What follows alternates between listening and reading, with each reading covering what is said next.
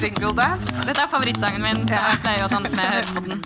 Herregud, så hyggelig det er å se så absurd mange mennesker her. Ja, det er helt ko-ko. Ja.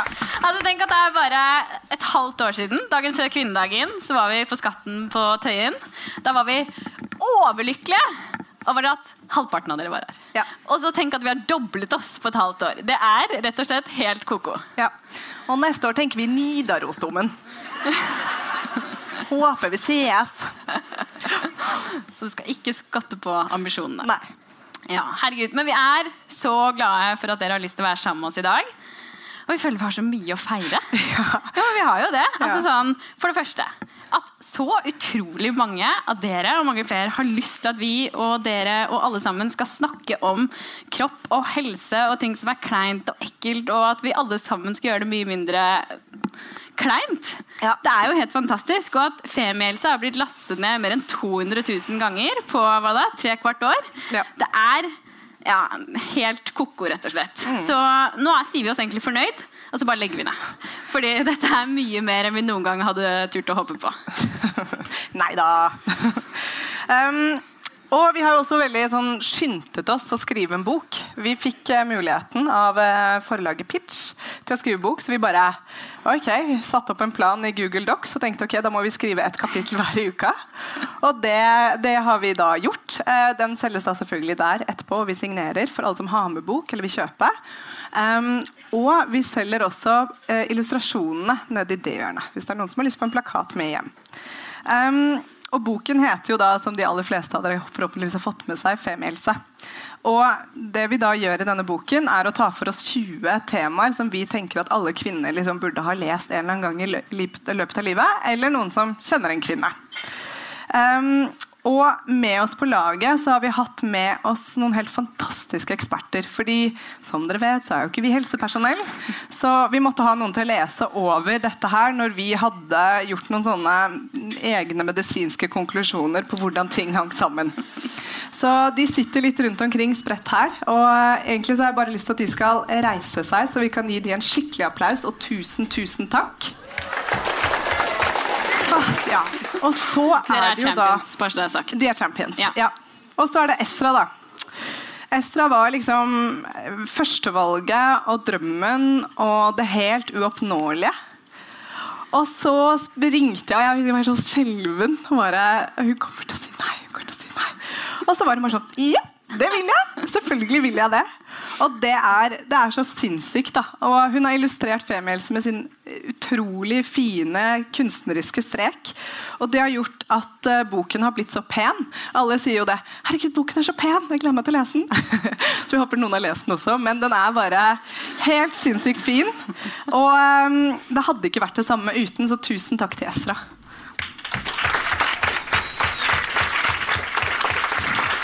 Og så er det jo oss to, da, Sigrun. Ja, de to ydmyke. Ja.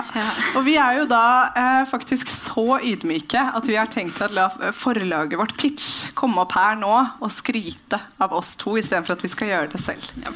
Så velkommen opp til Inger fra Pitch. Hei, alle sammen. Jeg heter da Inger og kommer fra Pitch forlag. Er redaktøren til eh, Helene og Sigrun. Eh, dette er en gledens dag for eh, forlaget òg. Har vi gledet oss masse til, og det er sykt gøy at det kommer så mange på en livepod om boklansering. Femihelse er på mange måter grenseløs. Eh, både sjangermessig og innholdsmessig. Og det er jo prosjektet deres fra A til Å, tenker jeg.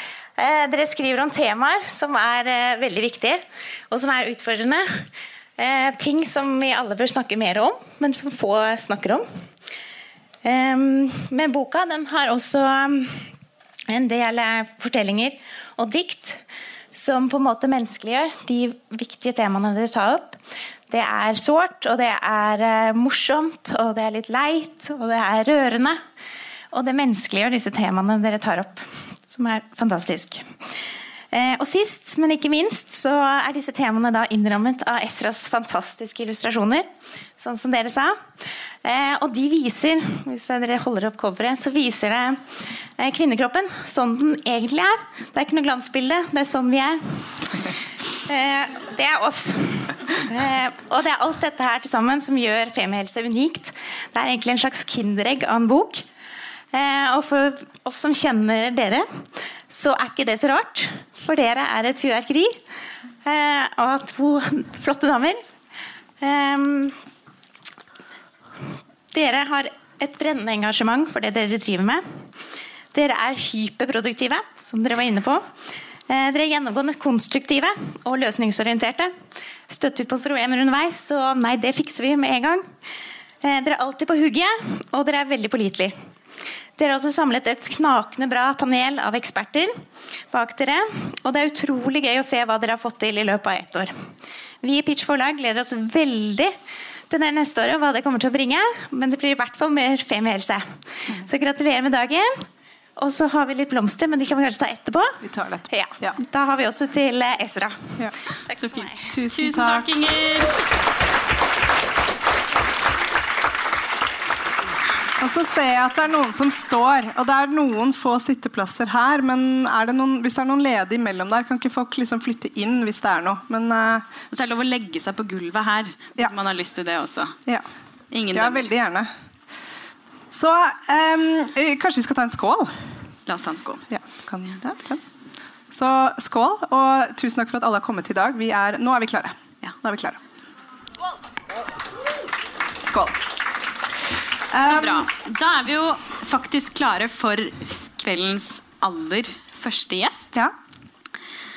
Det er doktor Bergland. Yes. Han er komiker, forfatter, fastlege. Ja. Han har litt dårlig tid, for han skal fort videre til en prostatasjekk. Neida. Hehe, Nei, har vi skrevet her. Han skal videre på et show på Latter. Ja, da Han gjør dette litt bedre enn oss, eh, akkurat det med latteren. Men eh, før det så er vi veldig heldige å få lov til å låne han. Så eh, La oss litt. heie han opp på scenen. ja. Velkommen, dr. Bergland. Sigrun, setter du deg her? Vi sitter her. Ja. Der, ja. Det var deilig å sette seg ned. ja. Veldig. Hei, Jonas. Velkommen. Hei, hei, takk. Det var veldig hyggelig at du kunne være med i dag. Ja, Hyggelig å bli invitert. Ja. Du, eh, hadde jo, du trodde jo vi var legestudenter. Ja, jeg trodde det. Ja. Det var derfor jeg sa ja. Men Ja. det var- Jeg skjønner. Det var, så ble det sånn, Hvilket år er dere egentlig på? Så ble det sånn, I syklus? I hvor? I liksom månefase? Jeg, jeg vet ikke. Så skjønte vi at du trodde vi var derfor var dere bare sa hvor gamle dere var, og så Ja. var det, det, det kleint. ja. Så Sigrid er 21, og jeg er 34. Ja. Så vi landet på at, eh, at du kunne være med likevel, selv om vi ikke kunne noe medisin. Og det var Ja, ja, ja, det var bare jeg, eh, Egentlig spurte jeg litt for å vite på en måte Egentlig litt hva publikummet deres var, og Ja.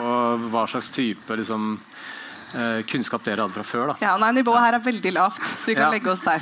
Det er greit.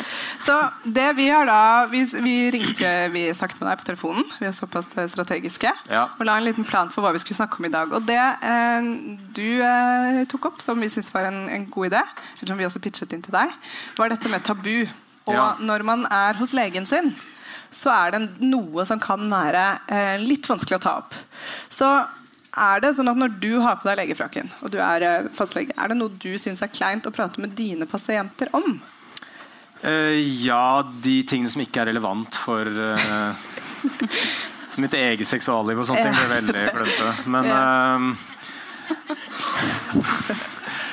Nei, altså det er egentlig ingenting altså, som Nå kan ikke jeg snakke for alle leger, men jeg det er jo veldig klønete hvis man som lege syns det er flaut å spørre en pasient om forskjellige problemer eh, som kan være relevante å spørre om i en setting. Sånn at eh, eh, jeg, tenkte veldig på det der, om det var noe jeg syns var kleint eller som jeg syns har vært flaut. Eller, eh, det må vel bare være ting som jeg tror kanskje jeg har spurt om en gang før, og så husker jeg ikke om jeg har spurt om det. Det, eh, det kan være flaut. Du har barn, var det, ja. Mm. Du er ikke gravid nå, eller er du? Ja. Mm. Skjønner. Det, er- det er faktisk en ting som Ja. er eh, litt vanskelig. og Det er jo da folk som kommer inn og er førstegangsgravide eller andregangs eller hva som helst. Men sier sånn Ja, um, jeg har fått en positiv graviditetstest. Og så veit jeg aldri om det er en bra eller dårlig ting. Hva svarer du da? Så, nei, jeg må si sånn Er det, er det bra, eller er, det, er du glad for det? Ja. Du må spørre om det. Så sånn, ja, det er kjempebra. Ja, så bra. Yay, Og så- gratulerer! De tomler opp. Ja.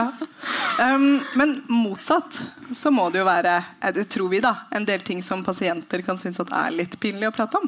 Ja, ja, ja, absolutt. Så, um, og det er jo det der vanlige dørklinkeproblematikken. Altså Man kommer med masse ting som er ganske sånn uh, standardgreier og litt uh, ja, litt kjedelige ting. Allergier, litt vondt et eller annet sted, og sånne ting. Og så ordner man det, og så rett før man går ut, for sånn, mens du holder på dørhåndtaket sånn Og så var det en ting som jeg lurte på, og da har du egentlig brukt opp all tiden.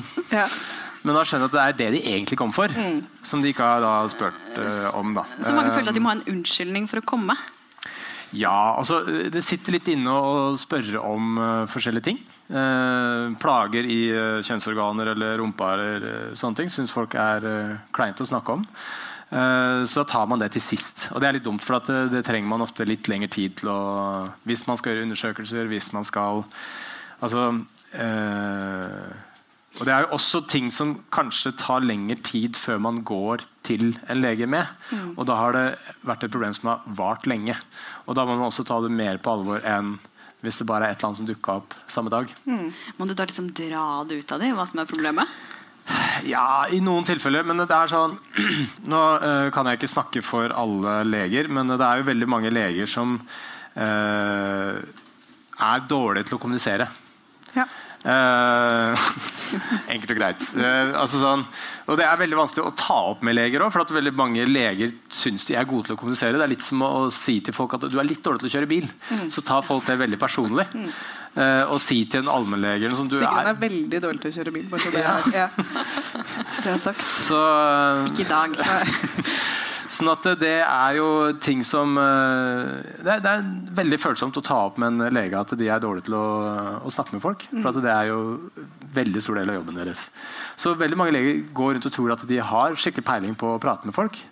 Eh, og så tror man at eh, flaue temaer skal fikses med kleine vitser, f.eks. Eller sånne ting. Da. Det støter jo vekk pasienter. Altså, veldig mange pasienter har jo erfaringer med at kleine temaer blir tatt hånd om på en dårlig måte. Ja. Sånn at eh, Det er ikke veldig rart at, eh, at det er sånn. Men så er det jo det også stigma rundt uh, sånne type problemer som gjør at uh, eh, ja, mange syns det er vanskelig å snakke om. Mm, for det er jo egentlig um, Det er jo egentlig sånn toppen av ironi at fastleger og leger ikke nødvendigvis har den kommunikative evnen Ja. som trengs for å finne ut av det. For vi snakket jo litt om at ehm, det som er viktig for å møte pasientene på best mulig måte, er jo en god dialog. Ja. Og som du også, jeg synes du hadde et veldig godt eksempel Nå tar jeg bare gjenfordeler hele telefonsamtalen. Det var en veldig god samtale. Men da, av, vi tok jo, ja, vi, tok, vi tok den opp. Så kan du bare gå. Ja. Men det var nettopp det med at eh, hvis folk er vage med symptomene, så kan det jo også bli altså det blir vanskelig å sette en riktig diagnose, men også at i det store og det hele hvis alle er vage med symptomene, så blir det vanskelig å se et mønster hos pasientene dine også. Ja, for alle, Ingen snakker om det som man snakker i metaforer hele tiden, som må være veldig konkret. Ehm, så, så man hopper over ganske mange ekstraspørsmål ved å bare si hvordan ting er med Ja. en gang. Istedenfor å si sånn Ja, det er litt plagsomt. Ja, ok, Hvordan er det plagsomt? Hvor lenge har det vart? Eh, alt mulig sånt. da. Ja, Du hadde et veldig godt eksempel med hvis noen kommer og har hatt et slag. Så er de veldig sånn konkrete på hva er eh, symptomene, eller hva har jeg, liksom, hva har jeg opplevd. da. Men hvis noen kommer med IBS Ja. så er det, Nei, jeg kjenner meg litt sånn uggen på venstre side av og til, men det er ikke noe diaré eller oppblåst. Nei, jeg kjenner meg ikke igjen i det. At man blir liksom, man pakker det inn på en annen måte. da. Det var veldig heismusikk. Jeg beklager, vi, vi lovet ikke å Det er en musikal, denne podden Ja. her. Det var veldig ja. Og det hadde vært gøy hvis det hadde vært en flashmob nå. Da hadde jeg faktisk blitt skikkelig glad. Ja, hvis dere hadde en plan for oss om at med en gang IBS kom på bordet, så liksom kjørte vi i gang. Ah, ble det- synge en sang om tarmplager. Nei um, IBS er um, intestinal bowel syndrome. Så det er jo da diffuse smerter og plager i eh, mage, tarm.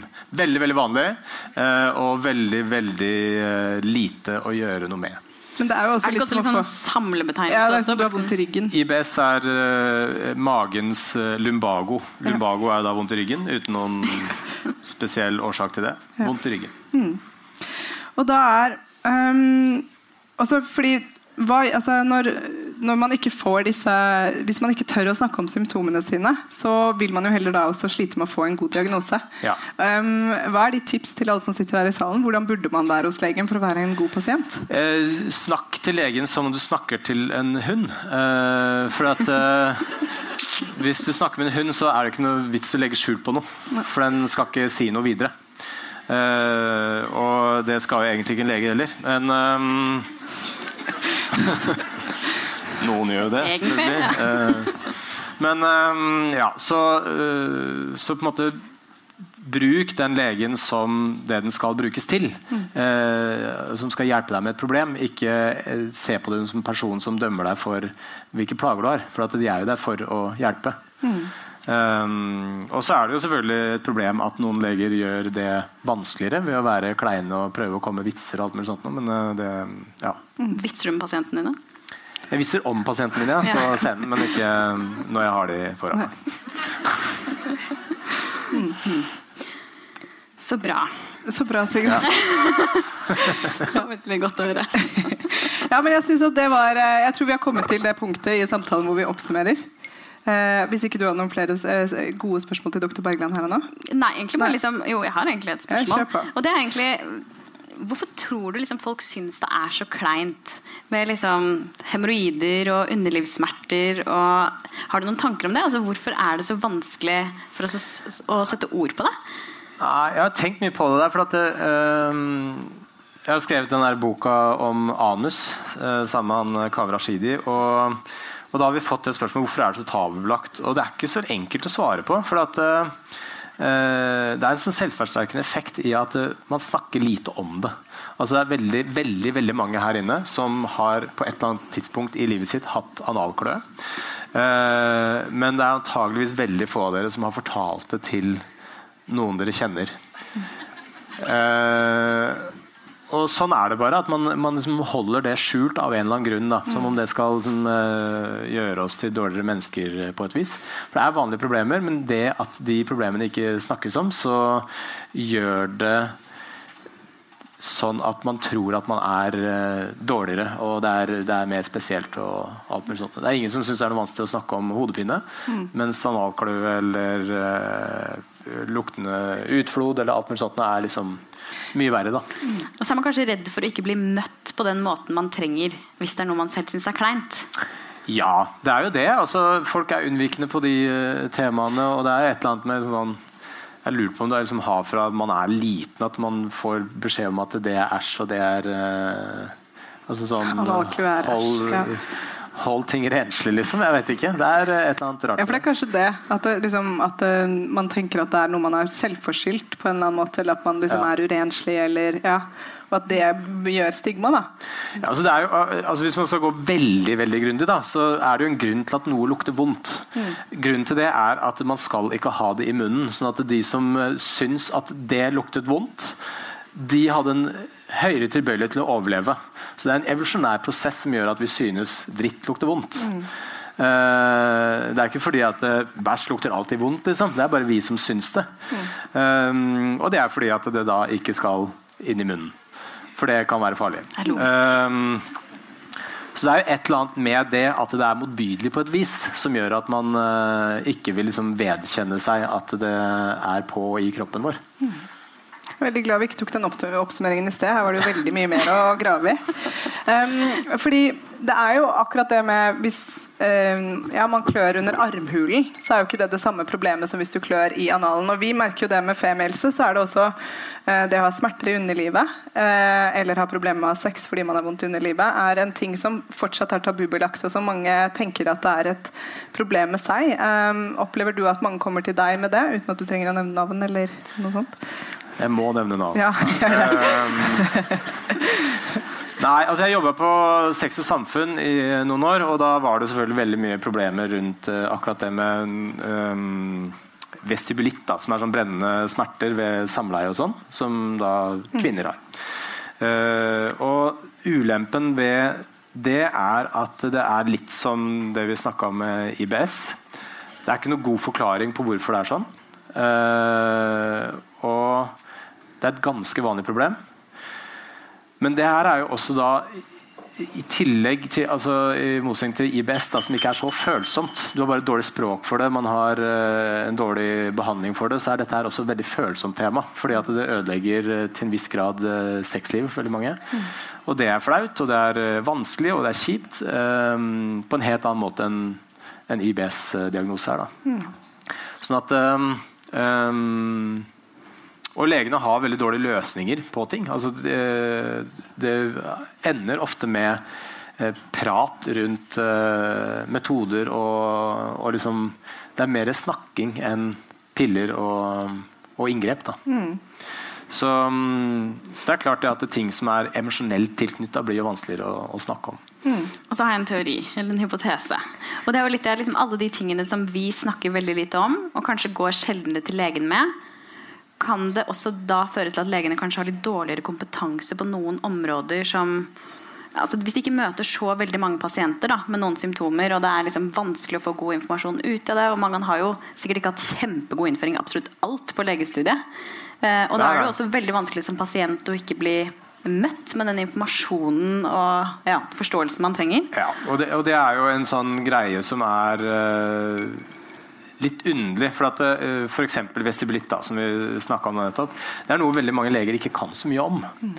Det er på en måte prisgitt helsestasjonene og Uh, og sånne type steder hvor man på en måte spesialiserer seg på å snakke med pasienter som drar til et lavterskeltilbud utenom sin egen fastlege av en enkel grunn. At de ikke har lyst til å være hos den legen som de har snakka med siden de var eh, tolv år. kanskje da.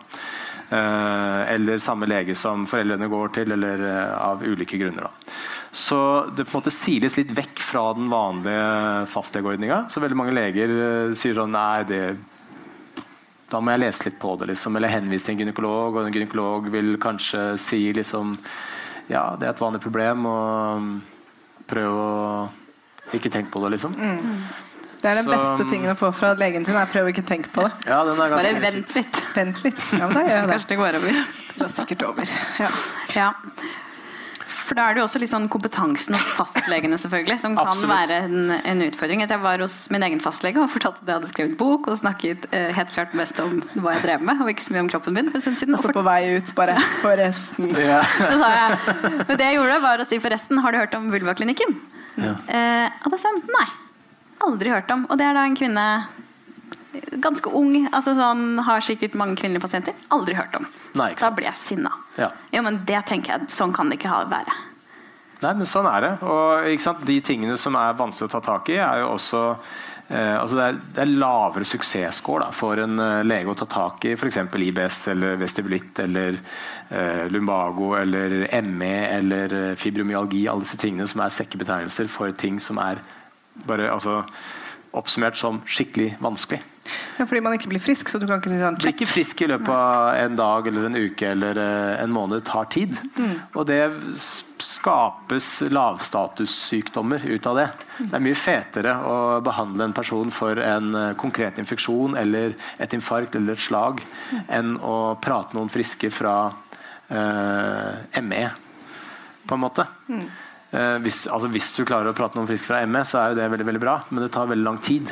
Mm. Sånn at um, det, det syns ikke på samme måte da, som å gå inn som anestesilege og fikse et brudd eller et sår.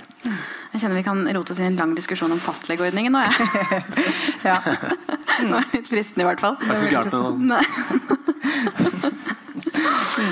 Men um, det skal vi kanskje ikke gjøre Nei. akkurat nå. Men jeg syns jo det er en litt sånn oppsummeringsvis litt spennende dette her med på en måte at tabu og at vi har vanskelig for å snakke om ting, også fører til at vi ikke får eh, bedre hjelp. Mm. selvfølgelig, Fordi kompetansen ikke økes hvis vi heller ikke tør å gå til legen vår med det. Ja, og så er det jo litt den der måten man legger fram ting altså, Klassikeren er sånn 'jeg har en venn som'. Det er en veldig enkel metode. For at, uh, da distanserer du fra din egen kropp, og så kan du snakke om det. Mm. Uh, og man må gjerne gjøre det. Uh, hvis du får fram poenget ditt, så er det helt topp, det. Eh, på samme måte som eh, legen bør eh, snakke om ting som om ting er litt kjedelig. For at, da vil det ikke fremstå som noe større enn det det er. For det er ofte litt kjedelig. Mm. Vi ser jo disse tingene her veldig mye. Det er ikke sånn her What, har du det? Altså, Wow! Snakk om anal, tror jeg. ja. Nei, og det er eh, ja, så en liten oppfordring til eh, dere i salen, men også dere som hører på, er det nettopp med å tørre å faktisk i det minste være ærlig med legen sin. Da, at man orker det. Og gjør det som funker for deg. Ja. Jeg tenker sånn, Skriv en lapp, hvis det er lettere. Fortell om en venn. 40 lapper bare for å lese. Så Oppfølgingsspørsmålet da skal finne den ekte en podcast, send den. Ja, det er mange måter å løse det på, men uh, gjør det du må for å klare å kommunisere hva som er greia. For da gjør du ikke bare deg sjæl en tjeneste, men kanskje mange andre også. Ja, og så er det greit å vite at eh, de fleste leger syns ikke ting er flaut eh, å få høre om. Det er veldig få leger som, som blir sjokkert av vanlige sykdommer. De blir sjokkert av gjerdestolper gjennom hodet og sånne ting, og det, men det gjør alle. Og det er, Og det er ikke flaut. Men det er ikke så flaut heller. Det er Nei. mer sånn hei. Ingenting er tabu her. ok? Nei. Og, eh, og også veldig da denne med å snakke til legen sin som en hund. Ja. Det er veldig fin. Ja. Litt sånn koselig måte. Mm. Så bra. Er, Ja. vi, er, vi noe vi, er det noe du vil legge til på slutten her? Nei. Nei? Nei. Så bra. så fint. Så bra. Da tror jeg vi sier tusen takk. Jo, Tusen takk, takk til Jonas Jonas Det var veldig spennende.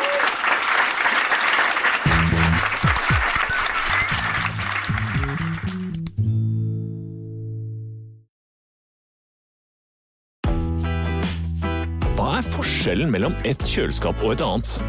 En vaskemaskin og en annen. Denne oppvaskmaskinen i stedet for den. Velger du Bosch, får du slitesterke produkter som verken sløser med vann eller energi.